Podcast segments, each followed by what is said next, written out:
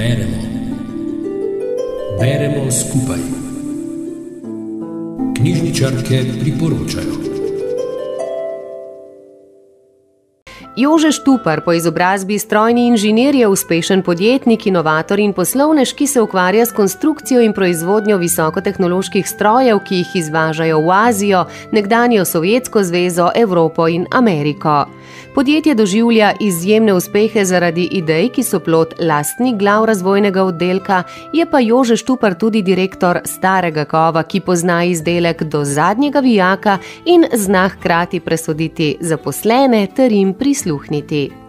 O nastanku knjige je povedal, da mu je bilo veliko krat dolg čas, ko je z letalom letel v različne kraje sveta.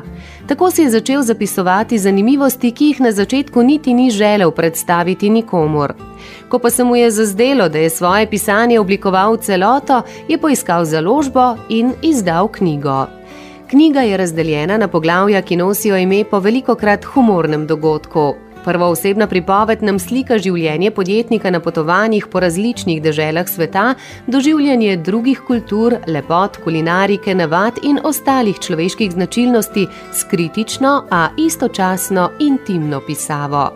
Pripovedovalec se nam razkrije kot oseba, ki zori in se uči, hkrati pa deluje zrelo in z oblikovanimi stališči. Naslovna zgodba je zgodba o medvedjem žolču, ki v tradicionalni korejski medicini velja kot zdravilo. Zaradi vpliva na moško spolno moč pa je tudi zelo iskan.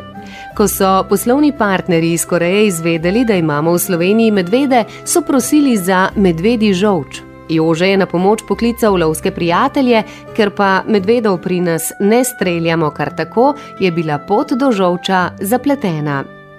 Poseben del knjige pa predstavlja poglavje razmišljanja v zapečku, ki delu daje dodatno etično vrednost. Avtor tu predstavi svoj pogled na današnji svet, ki ga je pridobil z leti potovanj in stikov z drugimi narodi. Glavni, večkrat izpostavljeni vrednoti, ki nam jih želi knjiga podati, pa sta človeška ustvarjalnost in zdrava pamet. Knjigo Jožeta Štuparja o medvedjem žolču in drugih prigodah, ki je išla leta 2019 pri založbi Zavod Volosov hram, nam obranje priporoča Saša Ambrožič iz Škofeloške knjižnice Ivana Tavčarja.